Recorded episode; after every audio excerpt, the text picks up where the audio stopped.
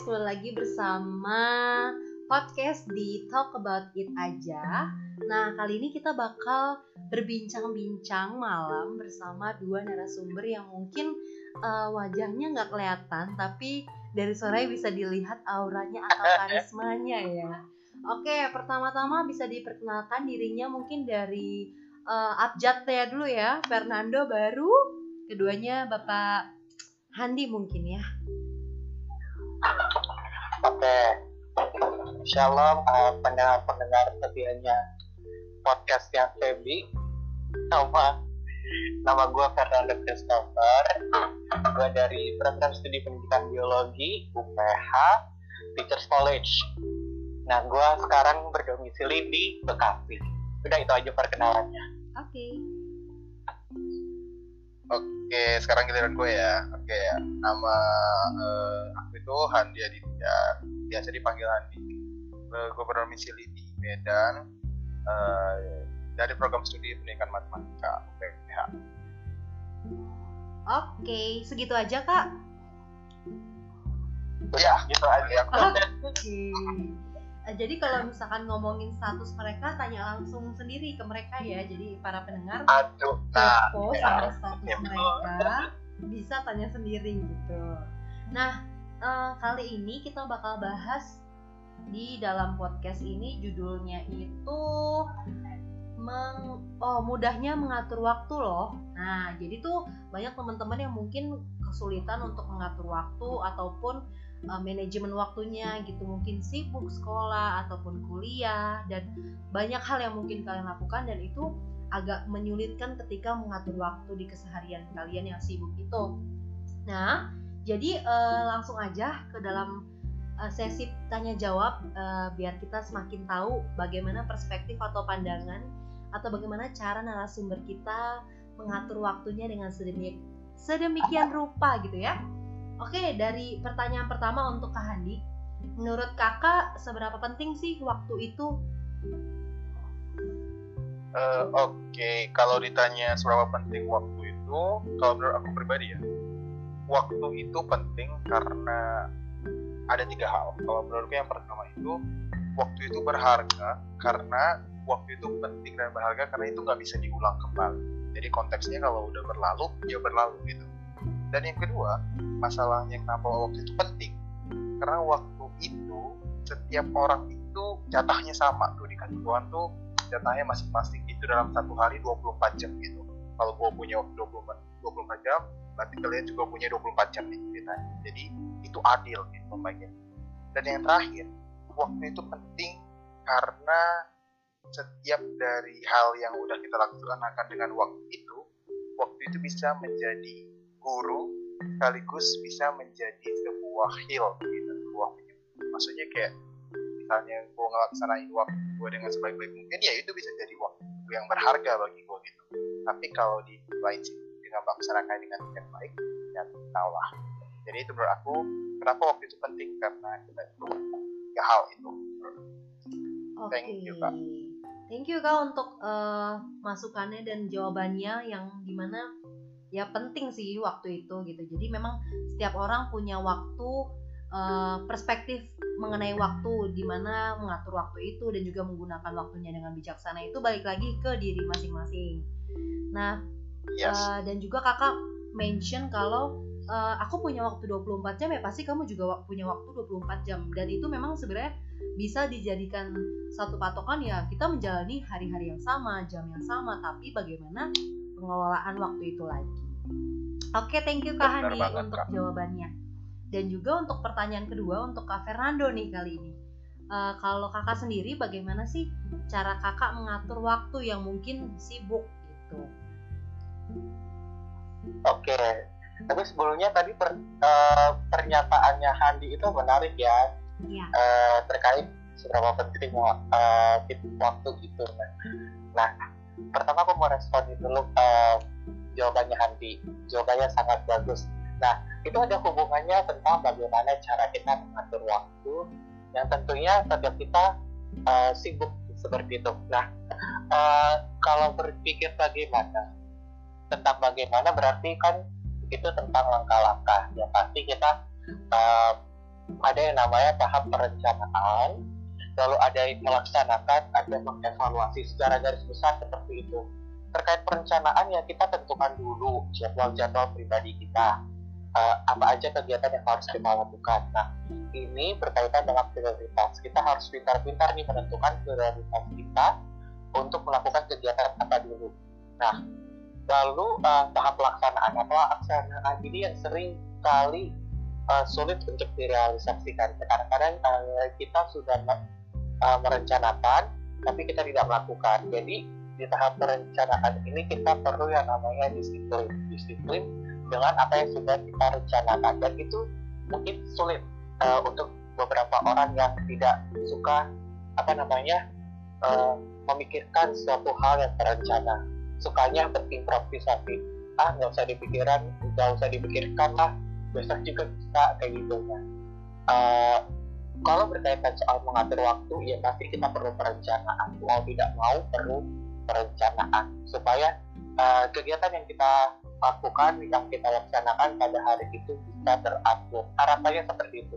Lalu yang ketiga itu evaluasi. Uh, ada suatu waktu uh, mungkin kita sudah merencanakan tapi ternyata ketika kita melaksanakan itu tidak sesuai dengan perencanaan kita harus evaluasi misalnya kalau dalam mengerjakan tugas oh hari ini misalnya mau buat paper lah ya tugasnya itu depan oke hari ini kita harus selesai latar belakang. Nah tapi ternyata waktu kita laksanakan banyaklah kejadian yang menghambat kita untuk mengerjakan latar belakang prosesnya ternyata tidak secepat apa yang kita pikirkan. Itu perlu kita evaluasi nanti ke depannya seperti apa uh, balik lagi nanti ke merencanakan lagi baru melaksanakan lagi mengevaluasi lagi merencanakan lagi melaksanakan lagi baru mengevaluasi lagi. Seperti itu sih. Bagaimana cara kita mengatur waktu yang tentunya sibuk. Dan itu day by day. Semakin hari kita bisa terapkan semakin hari kita terampil untuk mengatur waktu kita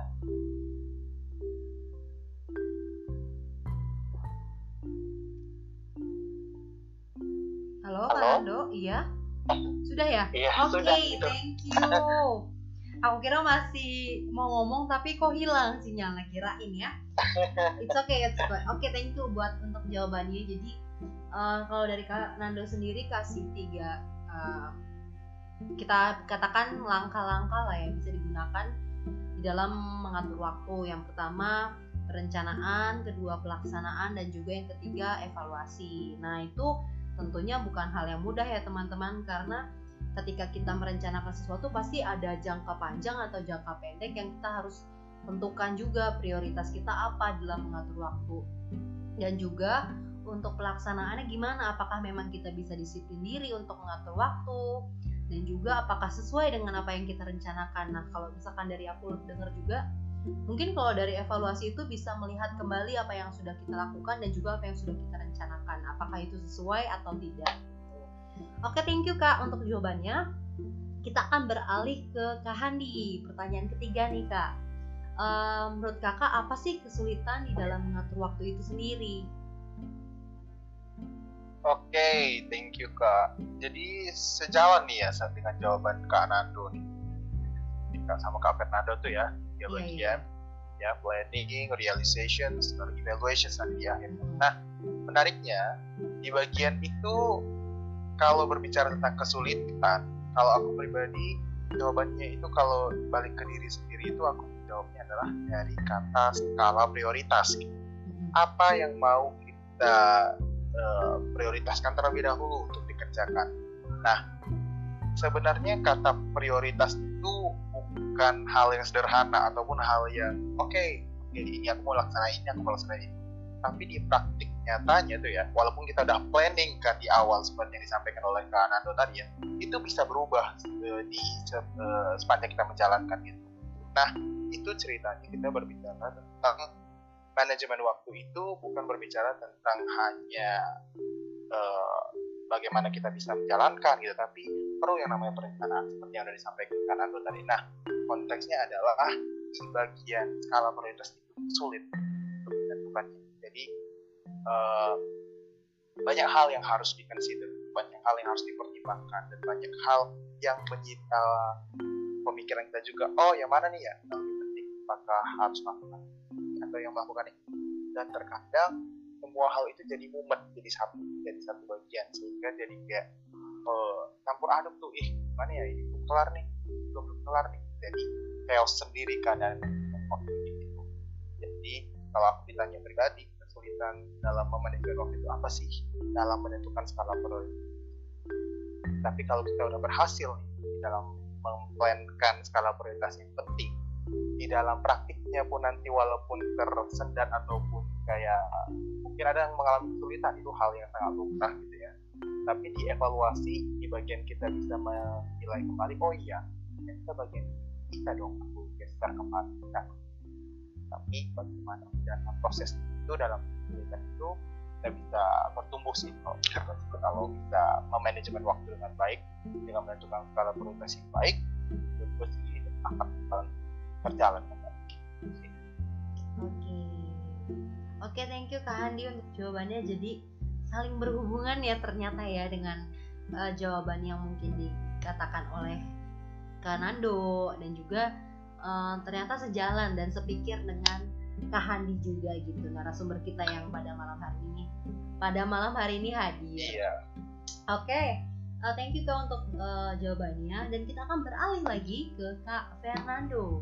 Nah, pertanyaan keempat nih Kak, apa sih hal yang paling kamu prioritaskan di dalam mengatur waktu kamu? Oke, terima kasih Feby. Uh, berkaitan dengan prioritas, uh, setiap kita kan pasti mas, setiap kita masing-masing pasti punya uh, apa standar prioritasnya sendiri-sendiri. Nah, kalau untuk aku pribadi, uh, aku lebih ke tujuan sama kebutuhannya itu seperti apa kebutuhannya mendesak atau tidak. Nah itu dilihat lagi. Uh, lalu tujuannya juga seperti apa? Uh, jangka panjang atau jangka pendek? Nah terkadang uh, yang kita sering miss itu adalah uh, lebih pentingin tujuannya daripada kebutuhannya. Tapi tapi itu nggak boleh sebenarnya. Karena ketika kita berpikir tujuan pasti kita ada ada yang namanya kebutuhan. Itu satu paket komplit baik itu jangka panjang atau jangka pendek. Baik itu sifatnya seperti apa ya namanya ya?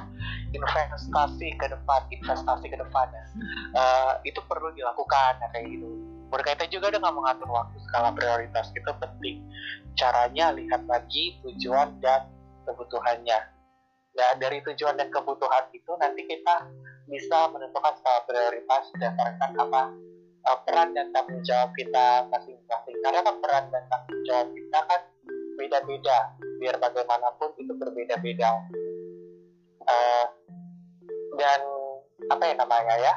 Uh, kita itu kadang-kadang dituntut untuk bisa yang namanya itu apa sih namanya kalau multitasking? Nah yeah. bekerja uh, beker atau mengerjakan dua dua atau tiga hal lebih uh, dalam waktu yang bersamaan. Itu juga uh, dibutuhkan. Itu juga mempengaruhi skala prioritas kita tentunya tapi kalau misalnya kita tidak mampu untuk melakukan multitasking ya nggak apa balik lagi ke tujuan dan kebutuhannya seperti apa masing-masing diri kita uh, pasti punya hal itu tujuan dan kebutuhan. Sudah Oke, okay, thank you Kak Nando untuk jawabannya. Jadi balik lagi ke setiap pribadi demi pribadi ya yang punya prioritas masing-masing. Jadi lebih mementingkan uh, kebutuhan seharusnya dibandingkan tujuan ya seharusnya? Uh, enggak ya harus dua-duanya kebutuhan dua-duanya. oh beriringan jadi ya tidak ada yang lebih iya. tinggi atau tidak ada yang lebih rendah tapi mereka berjalan beriringan. Oke okay, thank you Kanando untuk klarifikasinya. Dan untuk pertanyaan untuk Kak Handi nih uh, pernah nggak sih Kak di dalam mengatur waktu itu ada yang kacau atau tidak sesuai gitu Kak?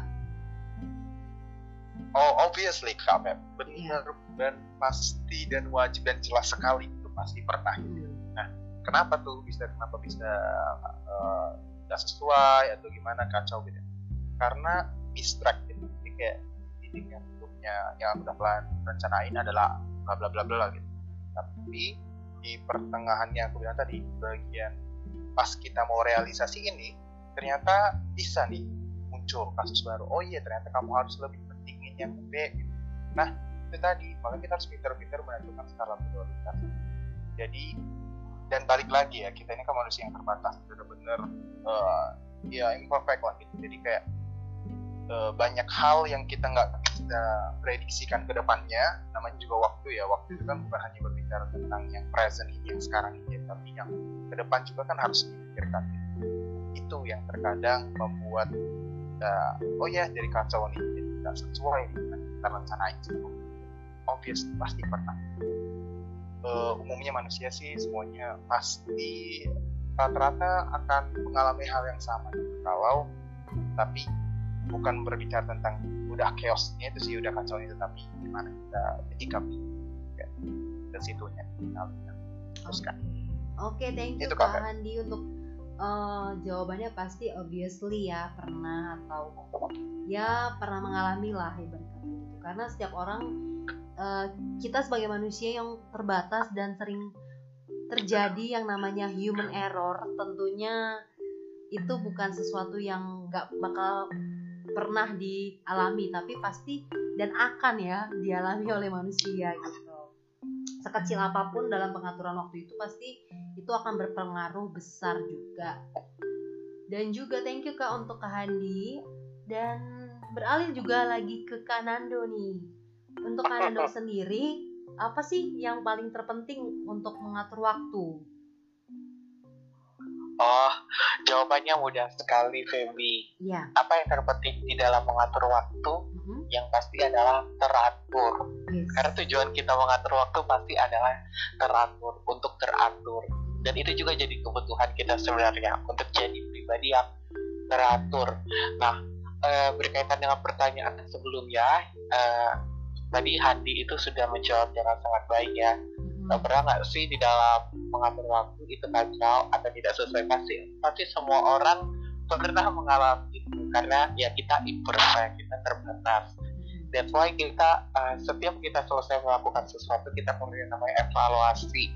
Erat kaitannya dengan kata refleksi refleksi diri. Nah uh, begitu juga ketika kita merefleksikan uh, waktu-waktu yang sudah kita lewati baik itu yang terencana dengan baik sudah tercapai tujuannya ataupun yang tujuannya itu tidak tercapai dan kita perlu perbaiki. Nah, tujuannya sebenarnya hanya satu, dan itu sangat pentingnya itu kita menuju pribadi yang teratur. Uh, karena bagaimana uh, ini perspektif Kristen ya, bagaimana Allah itu teratur, kita juga teratur. Begitu juga dengan manajemen waktu. Kalau pribadi kita saja sudah teratur, nah kita nggak akan bertahan lama sebenarnya karena uh, kita uh, apa jauh-jauh dari kata sukses nggak mungkin yang sukses kalau misalnya hidupnya saja tidak teratur kayak gitu pasti harus uh, teratur. Dan itu sangat penting. Jadi kalau misalnya ditarik kesimpulannya mungkin nanti uh, inilah uh, kemampuan dasar yang harus kita miliki sebagai manusia ya.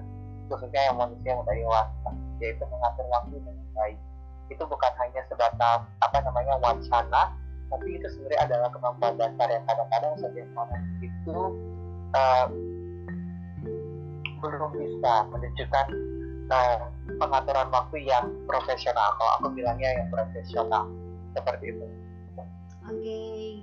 thank you ya Kanando untuk jawabannya dan juga masukannya mengenai tanggapan atau jawaban dari Kak Handi. Nah, sangat ter, aku sangat ini ya, sangat tertarik dengan bahasan-bahasan malam hari ini karena jujur ketika aku iya membicarakan waktu itu uh, seperti hal yang tidak pernah berhenti karena memang kita hidup di dalam waktu atau kita mengalami waktu itu sendiri gitu kan. Nah, jadi uh, sangat interesting sih bagi aku dan juga untuk yang dibahas untuk perspektifnya untuk uh, dilihat dari cara pandang dan juga memang tidak bisa terlepas dari natur manusia itu sendiri gitu kan oke okay, thank you Kanando untuk jawabannya dan uh, kita akan masuk ke dalam pertanyaan selanjutnya di mana ini untuk kedua narasumber kita ya mungkin tadi kan Kak Nando nih yang jawab nah mungkin ini dari Kak Hadi dulu baru Kak Nando nah pertanyaannya ya Kak Adakah hal yang tidak sesuai dengan apa yang kamu rencanakan dalam pengaturan waktu? Boleh dijawab, Kak.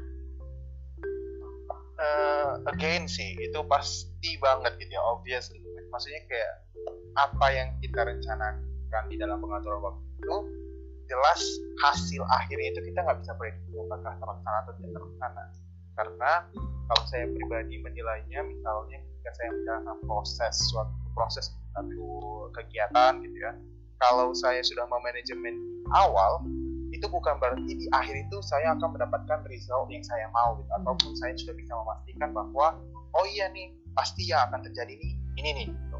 tapi balik lagi apa sih gunanya kita merencanakan di awal sebenarnya kan planning kita itu kan bukan berarti jadi kayak sebuah uh, weapon which is yang bisa kayak uh, menghasilkan hal yang kita mau gitu. Tapi perencanaan kita gunakan itu adalah untuk bisa tahu nih apa yang akan kira-kira kita lakukan selama proses kita dalam melaksanakan kegiatan tersebut dan apa yang akan menjadi tujuan kita nanti di akhir.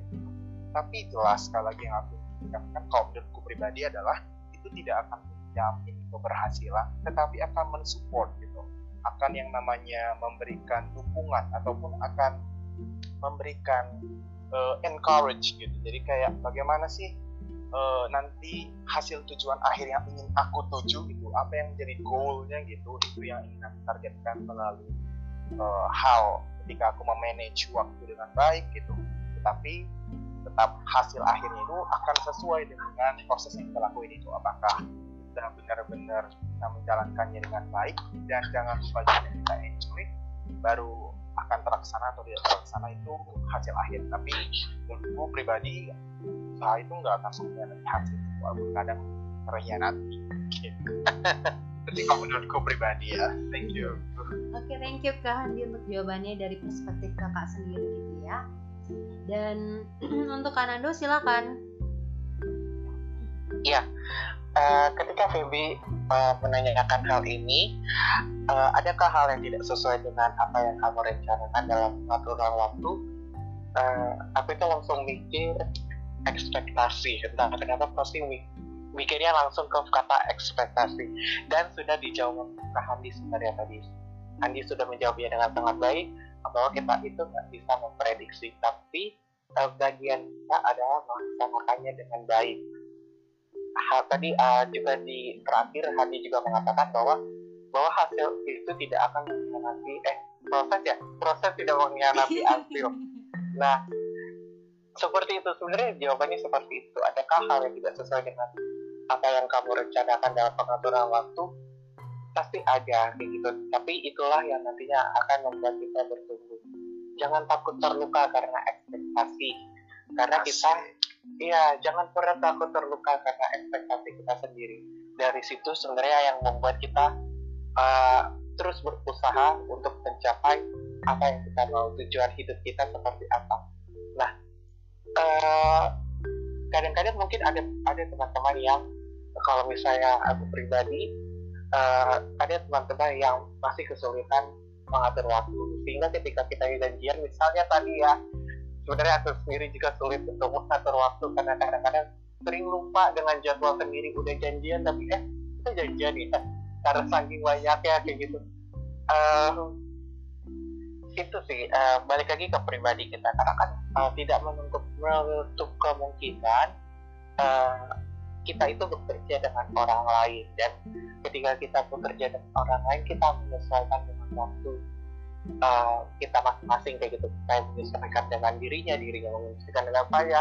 Waktu kita yang paling efektif itu seperti apa di situlah kita ketemuan baru kita uh, apa namanya mengerjakan apa yang sudah direncanakan dari awal. Ya mungkin seperti itu jawabannya. Oke okay, thank you kak untuk jawabannya untuk jawaban dari kak Handi dan kak Fernando yang mungkin nggak akan ada yang namanya pengaturan waktu itu berjalan dengan baik tapi ada yang namanya proses pembentukan akan bagaimana manajemen waktu itu sendiri. Nah, yes. bisa dikutip ya dari Kak Fernando ya, jangan takut untuk berproses ya atau apa tadi? Jangan takut untuk apa namanya berekspektasi sakit oleh ekspektasi iya. ya jangan takut gitu jadi mungkin kita udah kita udah sering banget nih berekspektasi wah aku manajemen waktunya gini gini gini. Tapi kan sering kali ya aku juga ngalamin sih uh, tiba-tiba lah ada hal-hal yang mungkin di luar dari ekspektasi kita atau hal-hal yang sudah kita rencanakan. Dan itu ya tentunya tidak bisa kita hindari gitu. Oke, okay, thank you kak untuk uh, jawabannya. Sangat menarik dan juga sangat apa ya bisa membantu sih untuk kita setiap masing-masing pendengar oh mengatur waktu dan lain gitu dan juga untuk pertanyaan terakhir nih kak uh, mungkin bisa diberikan secara singkat pesan dan kesan untuk mendengar mendengar mengenai pengaturan waktu sendiri. Nah, dari Kak Fer, eh Kak Handi lagi, dari Kak Handi dulu, baru Kak Fernando ya. Oke, oke, oke. Kesan dan pesan ya, ya. Kak ya. Yo. Oh ya, oke. Okay. Thank you Kak Nando ya dari Nah, jadi pesan dalam manajemen waktu dia. Mm-hmm. Kalau aku sih ngomongnya gini aja. Time is life gitu. Jadi kalau you waste your time, you waste your life. Gitu. Jadi kayak kalau you bisa memanajemen your time dengan baik, nanti your life juga termanage dengan baik. Itu akan apa namanya itu ber, kalau di matematika itu selalu equivalent gitu. Jadi kayak memang iya. Jadi itu benar-benar adalah hal yang tidak terpisahkan. Kita hidup di dunia ini jelas memang terbatas dalam ruang dan waktu tapi bukan terbatas dengan hal itu saja kita titik gitu. Oh manusia terbatas dengan ruang dan waktu tapi jelas kita harus memaksimalkannya juga. So do not waste your time. Itu yang kayak aku di awal tadi juga nggak bisa kembali so manajemen manajemen manajemen dengan baik waktu yang dikasih Tuhan ini benar-benar uh, kita miliki ini maka your life juga akan terbaik dengan baik. Kalau dari aku itu oke. Okay. kak Fernando? Ya kalau dari aku pribadi uh, kita perlu tahu bahwa manajemen waktu itu penting. Itu kemampuan dasar yang harus dimiliki setiap orang. Biar bagaimanapun tujuannya untuk uh, kita menjadi hidup teratur seperti itu. Nah, ketika kita menjalani hidup itu dengan teratur berarti uh, kita juga tidak menyanyiakan hidup ini. Nah, itu yang tadi uh, Handi katakan sebenarnya. Lalu uh, terkait mengatur waktu, pokoknya ingat mengatur waktu itu tidak hanya sebatas berencana, merencanakan, tapi juga termasuk ketika kita melaksanakan, ketika mengevaluasi, itu paket komplit dari mengatur waktu. Dan itu terus berulang. Ketika kita sudah merencanakan ketika kita sudah melaksanakan kita harus evaluasi terus rencanakan lagi. Dan begitu sel selanjutnya. Berkaitan dengan ekspektasi jangan pernah takut untuk berekspektasi. Karena ekspektasi itu merupakan bagian dari kita merencanakan uh, waktu yang kita yang kita uh, pikir itu sudah ideal kita pasti kan merencanakan itu kan tujuannya untuk supaya bisa teratur dan berjalan dengan ideal. Nah, tapi kita di samping dari itu kita juga harus tahu bahwa kita itu manusia yang terbatas. Kita nggak bisa memprediksi sesuai dengan apa yang kita ekspektasikan. Jadi jangan pernah. Jadi ketika kita tahu seperti itu, maka sebenarnya uh, untuk terjatuh dan terluka pun dengan ekspektasi pun sebenarnya kita sudah mempersiapkan kayak gitu. Uh, apa namanya uh, ekspektasi itu bagian juga dengan prediksi sebenarnya. Uh, seperti apa hasil yang kita inginkan uh, ketahuilah hasil hasil tidak akan mengkhianati proses proses yang kita jalani pasti akan tapi itulah yang nanti yang jadi buah atau jadi hasil kita ke depannya. Jadi pengaturan waktu itu bisa dikatakan sangat penting untuk kita itu sih pesan dari aku Oke, okay, thank you Kak Handi dan juga Kak Nando yang mungkin sudah menjawab beberapa pertanyaan-pertanyaan yang cukup menarik ya. Pertanyaannya cukup menarik karena uh, dilihat dari saat ini mungkin berkaitan juga dengan online learning, kita bisa melihat bahwa setiap kesibukan itu ya nggak cuma dialami oleh siswa saja gitu, terutama orang tua, guru juga dan semua hal yang terjadi saat ini juga perlu sekali untuk manajemen waktu terutama di dalam pengaturan waktu bersama keluarga atau uh, menghabiskan waktu hanya untuk mengerjakan tugas itu kan menjadi pilihan masing-masing kita.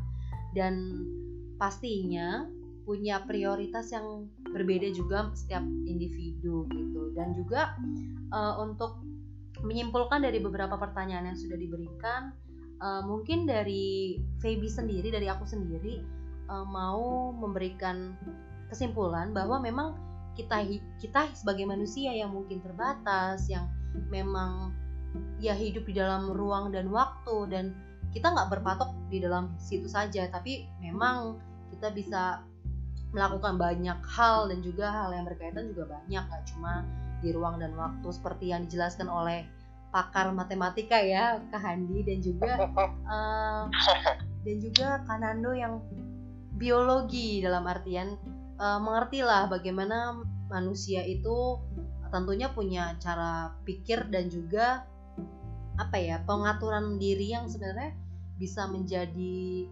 suatu hal yang bisa mengatur diri lagi sih. Maksudnya uh, pasti tentunya setiap orang itu kan punya pemikiran masing-masing dan bisa memprioritaskan sesuatu hal dan itu menjadi prioritasnya dia dalam pengaturan waktu itu sendiri.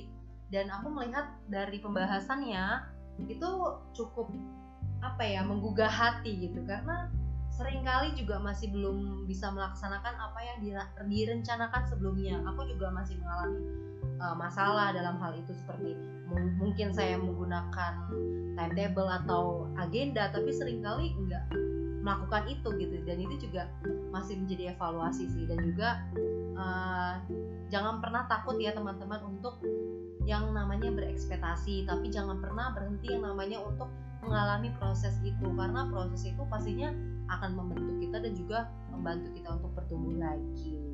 Oke, thank you semuanya untuk yang mendengarkan dan juga untuk narasumber kita ada Kak Hani dan juga Kak Fernando. Thank you. Yo, thank you semua. Thank you ya untuk sharingnya dan mungkin kalau ada kesempatan lain waktu sebelum sibuk-sibuk nanti ya bisa lah kita. Bisa. Iya. Nanti kalau misalkan mau berkunjung ke mungkin Instagramnya atau uh, eh, IG, eh Instagram IG sama aja. Instagram sama ya. media sosialnya sama. iya itu bisa nanti aku kasih di link description atau nanti di penjelasannya lah ya.